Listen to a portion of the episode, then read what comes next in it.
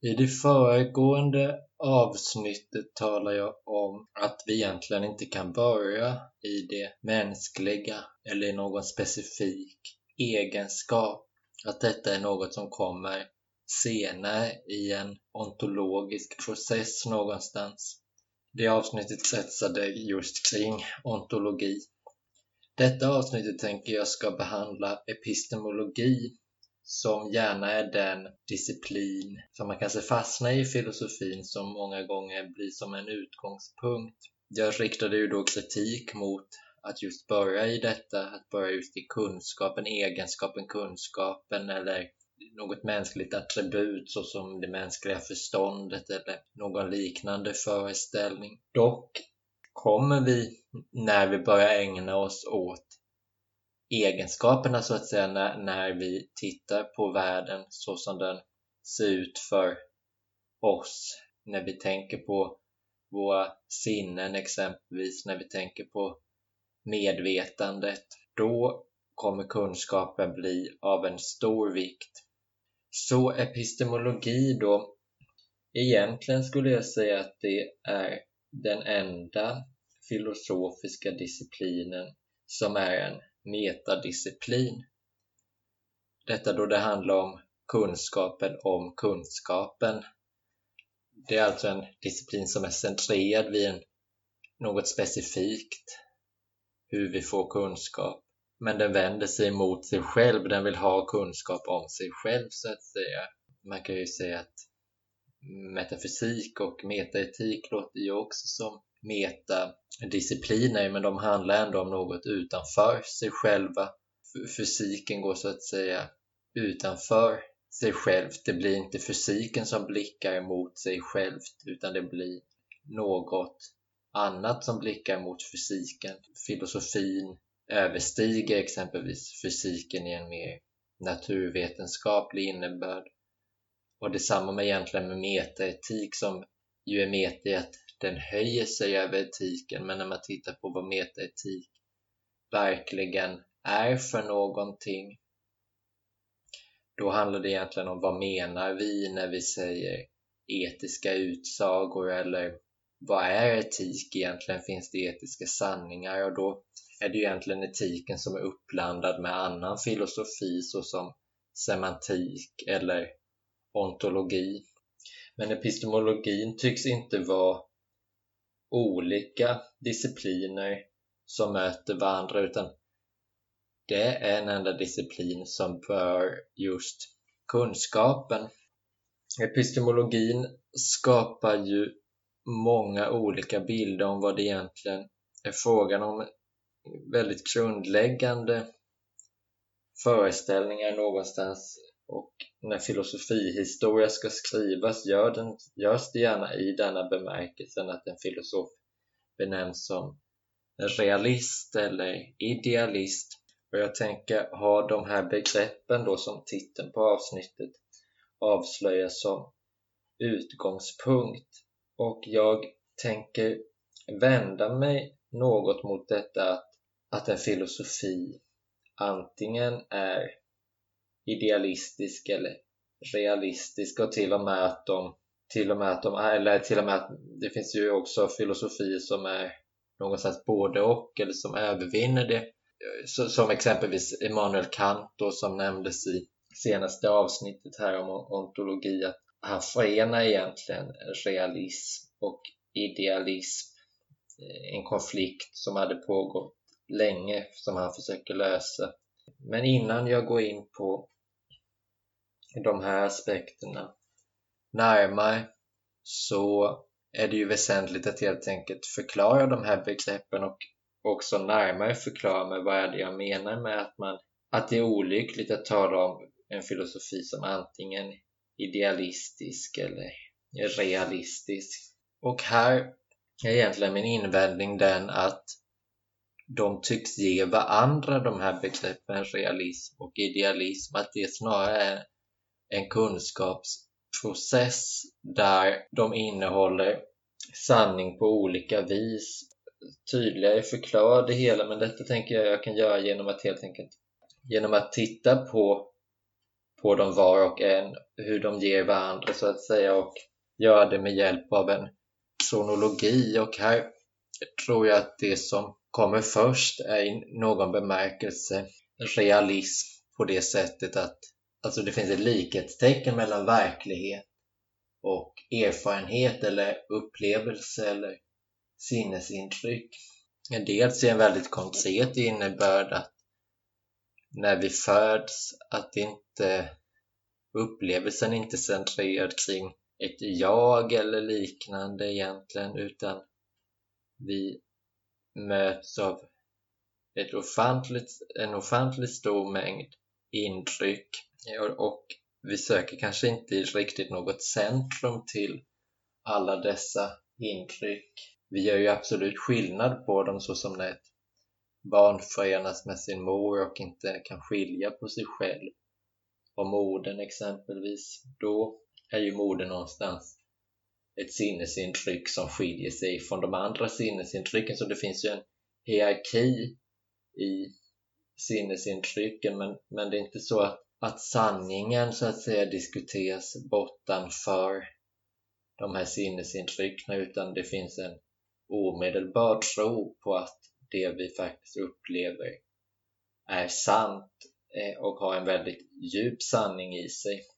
Vi kanske inte tänker i termer av att det finns något sannare som vi ännu inte har upplevt så att säga. Men också rent filosofiskt, inte kronologiskt så som filosofihistorien ser ut, men just om man tittar på vad olika filosofier leder till. Jag tänker i synnerhet på tre filosofer här som får sägas vara någorlunda moderna. Det är David Hume, Ernst Mach och Ludwig Wittgenstein. David Hume, som jag också nämnde i senaste avsnittet, Eh, var en empirist och han fullföljer egentligen en priest som hade funnits längre men som någonstans klamrade sig fast vid så här bekväma begrepp som exempelvis John Locke som talade om att det finns sekundära och primära egenskaper. Med primär egenskap menade han sådant som form, eh, att saker och ting är utsträckta så att säga. Medan de sekundära är medan de sekundära är sådant vi upplever med hjälp av sinnena då. David Hume menar att det inte är möjligt att göra någon sån här skiljelinje. Vi har inte kvar någon värld som ligger, ligger där utanför för erfarenheten utan allt vi har är erfarenheten. Och han drog detta väldigt långt genom att mena att vi erfar egentligen väldigt lite av det vi tror. Vi erfar exempelvis inte kausalitet. Vi erfar att en händelse föregår en annan händelse. Men inget mer egentligen. Vi ser inte sambandet, ser vi inte så att säga med hjälp av sinnesintrycken. Så även om han var en priest så var han inte en priest i bemärkelsen att vi får bäst kunskap eller vi får bäst eller mest kunskap med hjälp av erfarenheten utan med hjälp av vårt tänkande kan vi föreställa oss att det finns något sånt som kausalitet men det är nödvändigtvis inte riktigt för det, det är ingen riktig kunskap egentligen. Så, så David Humes realism gör honom ytterst skeptisk så att säga. Det är ingen realism i, i någon så här naiv realistisk bemärkelse att jo men världen är exakt så som jag tycker mig tro att den är. Världen stämmer överens med sunt förnuft eller min vardagliga inställning. Det är inte alls någon sådan realism som finns hos Hume. Eh, och detsamma om vi tittar på en senare tänkare som Ernst Mach då. Han menar, att det är, menar också just detta att det är förnimmelserna vi måste ta fasta till intrycken. Men han upptäckte ett problem med allt detta, vilket också Hume var inne på, att, att vi kan ju inte erfara något mer än så att säga alla intryck. Vi får en mångfald av intryck men de tycks aldrig egentligen utveckla sig till något beständigt så att säga. Vi, vi erfar exempelvis inte vårt eget jag Vi erfar inte att det finns något som bär, bär de egenskaperna vi har. Det är inte så att det finns ett ting och så bär det här tinget egenskaperna. Och vi har ju heller inte erfarit någon annans erfarenheter, vilket kanske är ännu värre så att säga. Vi har inget jag, men vi har heller inte erfarit någon annans erfarenheter. Det finns ett begrepp om att det är begränsade erfarenheter. Så vad som händer med Ernst Mach som visar vad, vad, vad ett problem som någonstans är inbyggt i realismen är att den blir solipsistisk, alltså att det är bara den här upplevelsen som existerar, för det är ju allt vi har upplevt och den här upplevelsen är inget annat än alla sinnesintryck så att säga. Så realismen leder oundvikligen egentligen till sin motsats, skulle jag säga. Den leder till, till solipsism då, alltså det som egentligen är bortanför för det realistiska, att världen är så som vi upplever den. Och solipsismen var något som Wittgenstein väldigt tydligt insåg fanns i realismen. Men han menar att detta behöver nödvändigtvis inte vara ett problem så att säga. För om solipsismen är sann innebär det att verkligheten är exakt så som vi upplever den. Det finns så att säga ingen åtskillnad mellan upplevelse av verklighet och verklighet.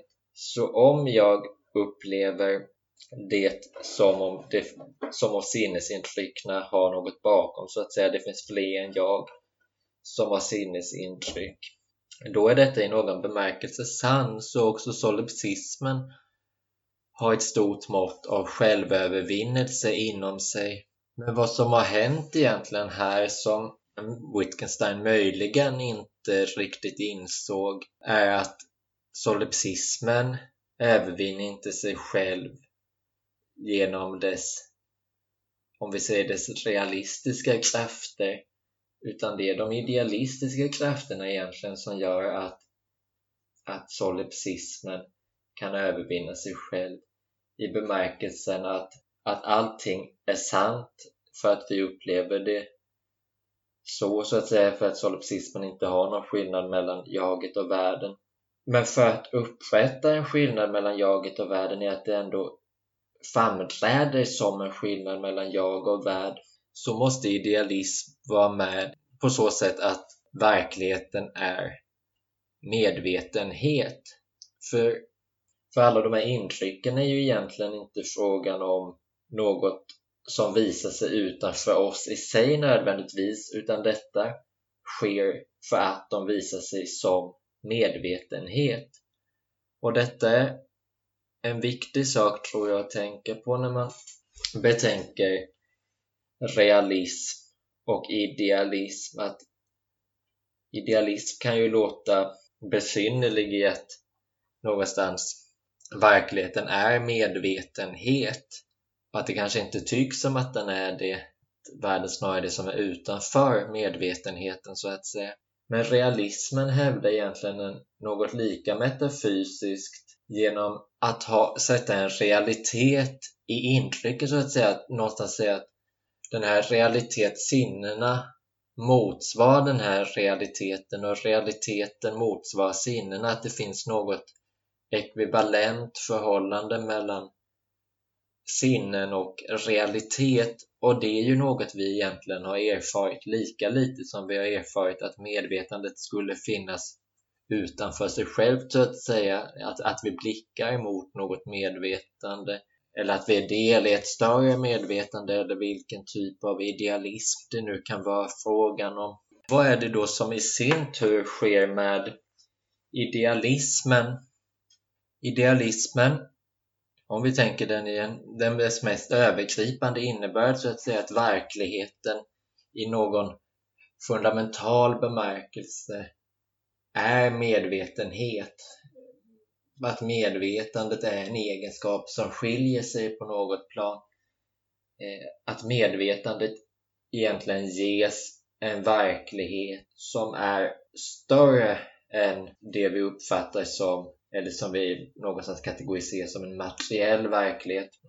Det behöver nödvändigtvis inte vara eh, dualistiskt så att säga i, i sin grund. Där är, ju ju, skulle jag säga att idealismen går bortanför dualismen, att materian frambringas någonstans ur medvetenhet. Och vad medvetenheten egentligen är då kan man ju fråga sig men medvetandet är någonstans skulle jag säga att kunna innehålla något som inte är sig själv, så att säga att kunna frambringa något utöver sig självt. Den här öppenheten så att säga. Och vad som händer med idealismen här då skulle jag säga att den på något sätt splittras upp så att säga. För realismen kan ju väldigt enkelt skilja på en upplevelse av något och detta något så att säga. Eh, realismen ger intrycken en avbildande en avbildande roll i det hela. Men en idealism har ju gett medvetandet egentligen en större roll än upplevelsen av något som inte är medvetande. Och här är en sån tänkare som George Barkley intressant som var empreist så att säga att, att allting är de här intrycken, att det är så vi får kunskap. Samtidigt var han idealist i att han menade att eh, det är bara, allt är bara idéer så att säga eftersom allt grundas i vår upplevelse. Så de går in i varandra, realismen och idealismen så sett.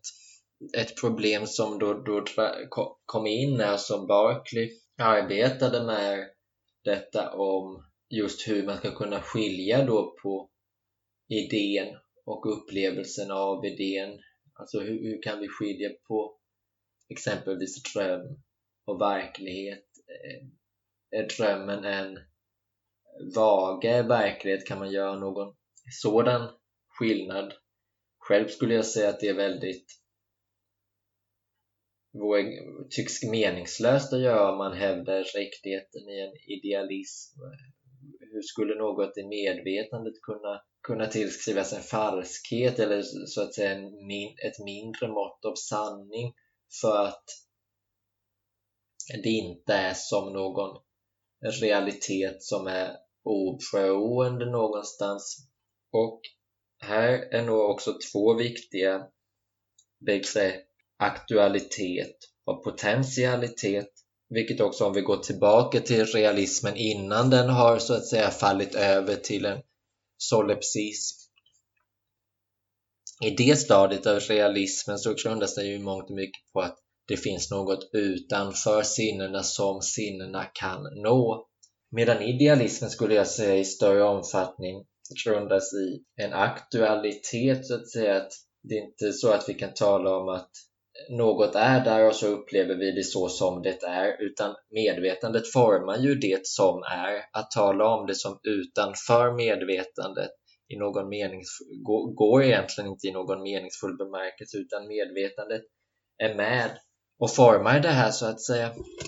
Så det man får egentligen av den här idealismen skulle jag säga är en väldig pluralitet och idealismen faller över i dess solipsism så att säga och jag skulle säga att idealismens motsvarighet till realismens solipsism är relativismen.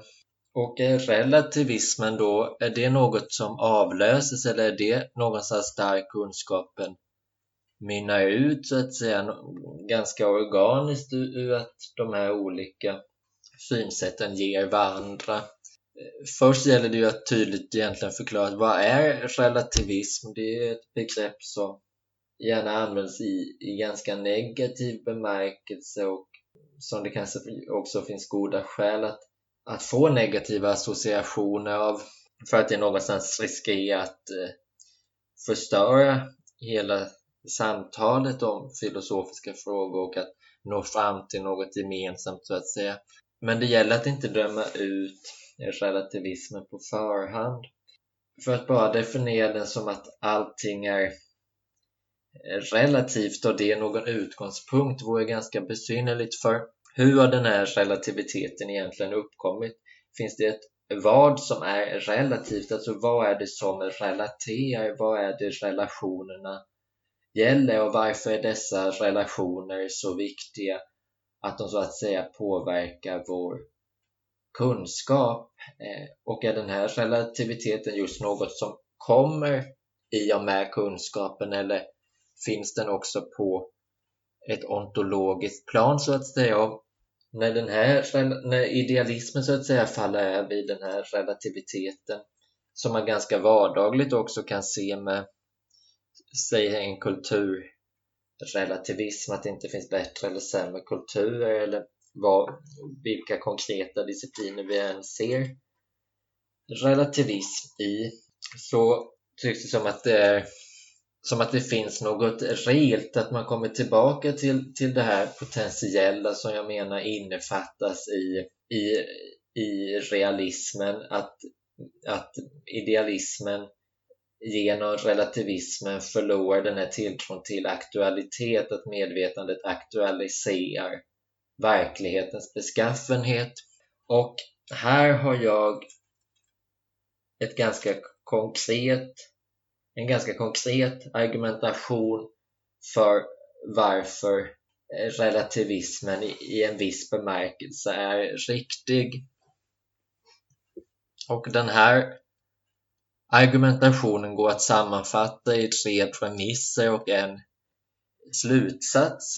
Och den första premissen här är egentligen att upplevelsen eller erfarenheten eller intryck. Nu har jag använt lite väl många synonymer till det men jag, menar egentligen samma sak när, jag säger detta. Att, att eh, låt oss säga upplevelse då, att upplevelsen består av en viss kvantitet intryck eh, både i alltså hur upplevelsen upplever vi, vi är med och formar, det har vi från idealismen men vi upplever också något som vi i alla fall tycker finns utanför oss.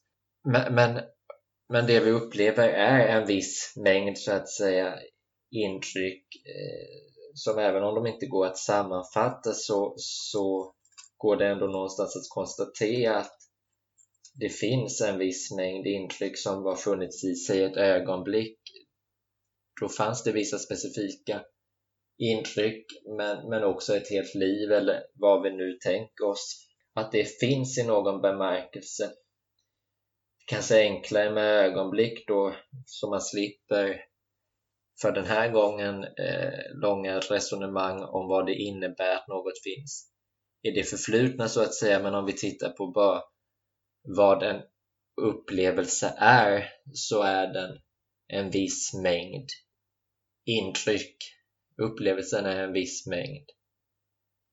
Ja, det, det, blir, det blir ju tautologiskt kan tyckas när jag säger, säger att jag egentligen menar samma sak med intryck och upplevelse men, men vad jag vill komma till är att upplevelsen om, det, om, en män, om vi säger att en människa går utanför sitt hus och upplever solen som lyser och himlen och träd som blåser och fågelsång etc. Så, så är det begripligt att tänka sig att det är en viss mängd intryck eller upplevelser som vi kan ringa in och säga att detta var den här upplevelsen, det bestod av de här upplevelsekomponenterna. Så, nu blir det en något för omständlig utläggning här men det är i alla fall första premissen jag menar eh, är viktig här. Den andra premissen är att det tycks oundvikligen som att det finns upplevelsekvantitet som jag kallar det för som inte upplevs så att säga. Vi kan ju tänka oss om vi blir blinda då upplever vi inte synintryck. Men vi kan också tänka oss helt enkelt i den här första realistiska förvissningen om potentialitet att det finns något finns även om vi inte upplever det. Det finns inte exakt så som det framträder för oss kanske men det tycks finnas som en möjlighet för upplevelsen. Det finns möjlig upplevelse sedan exakt om det är för att denna, detta ligger utanför oss eller för att det inte har aktiverats i oss. Att det potentiella ännu inte har aktualiserats, det, det kan man behöver man egentligen inte konstatera här utan bara att det finns upplevelsekvantitet som inte upplevs. Så två premisser alltså att det, upplevelsen består av en viss kvantitet och sedan att det finns upplevelsekvantitet som inte upplevs. Sedan för det tredje så tänker jag att detta är att vi inte kan egentligen konstatera mängden upplevelsekvantitet så att säga. Och det kan ju gälla samma föremål. Alltså om vi när vi går utanför vårt hus upplever en viss mängd aspekter på ett speciellt sätt. Då kanske det var en av hundra möjliga sätt att uppleva det på så att säga. Och då kan alltså upplevelsekvantiteten som inte upplevs överskrida den, den, det som faktiskt upplevs. Alltså potentialen för upplevelse kan överskrida den aktuella upplevelsen. Vi kan ju också tänka oss att vi har fem sinnen att lära känna världen via. Det kan ju mycket väl finnas potentiella sinnen. Hur många har vi ju ingen aning om, hur många det rör sig om. Så det är tredje premissen då att upplevelsekvantitet kvantitet Eh, som inte upplevs kan överskrida upplevelsekvantitet som upplevs. Och när jag tittar på de här tre premisserna tycker jag inte de egentligen är särskilt kontroversiella. Men slutsatsen här blir det, för jag skulle säga att slutsatsen är följande att det är möjligt att uppleva samma sak samtidigt och ändå uppleva det på fullkomligt olika sätt. Men båda uppfattningarna är sanna samtidigt. Så var den här relativismen då ett slut och på vilket sätt är då relativismen sann? Är den också relaterad till en annan sanning? så att säga som är lika sann? Är relativismens motsats lika sann som att den är sann? Ja, i en bemärkelse skulle jag säga att den är det att relativismen i den här epistemologiska innebörden Alltså relativismen kan egentligen bara vara relativ i den epistemologiska innebörden. Skälet till att det ens kan uppkomma något sådant som relativitet är för att det finns en potentialitet och en aktualitet där som ontologiskt faktiskt är. Och här kommer jag egentligen tillbaka till det som det sagt i förra avsnittet att det finns något som föregår de här egenskaperna som vi sedan fokuserar på. Och skälet till att det, detta finns, att det finns någon form av exakthet, att verkligheten faktiskt är på ett bestämt sätt, på ett exakt sätt, skapar den här oerhörda svårigheten att få tag i den och det skapar den här situationen där olika egenskaper faller över i varandra, där realismens sinnen faller över i solipsismens isolation samtidigt som den har ett sånt definitivt sanningsbegrepp. Och detta definitiva sanningsbegrepp faller över i en idealism. Och den här idealismen skapar en större pluralitet av medvetanden.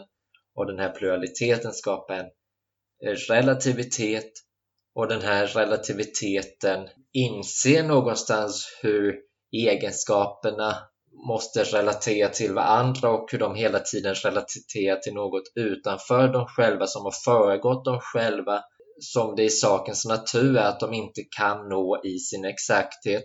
Och på det sättet hamnar vi återigen i realismen och cirkeln är väl någonstans sluten så sett.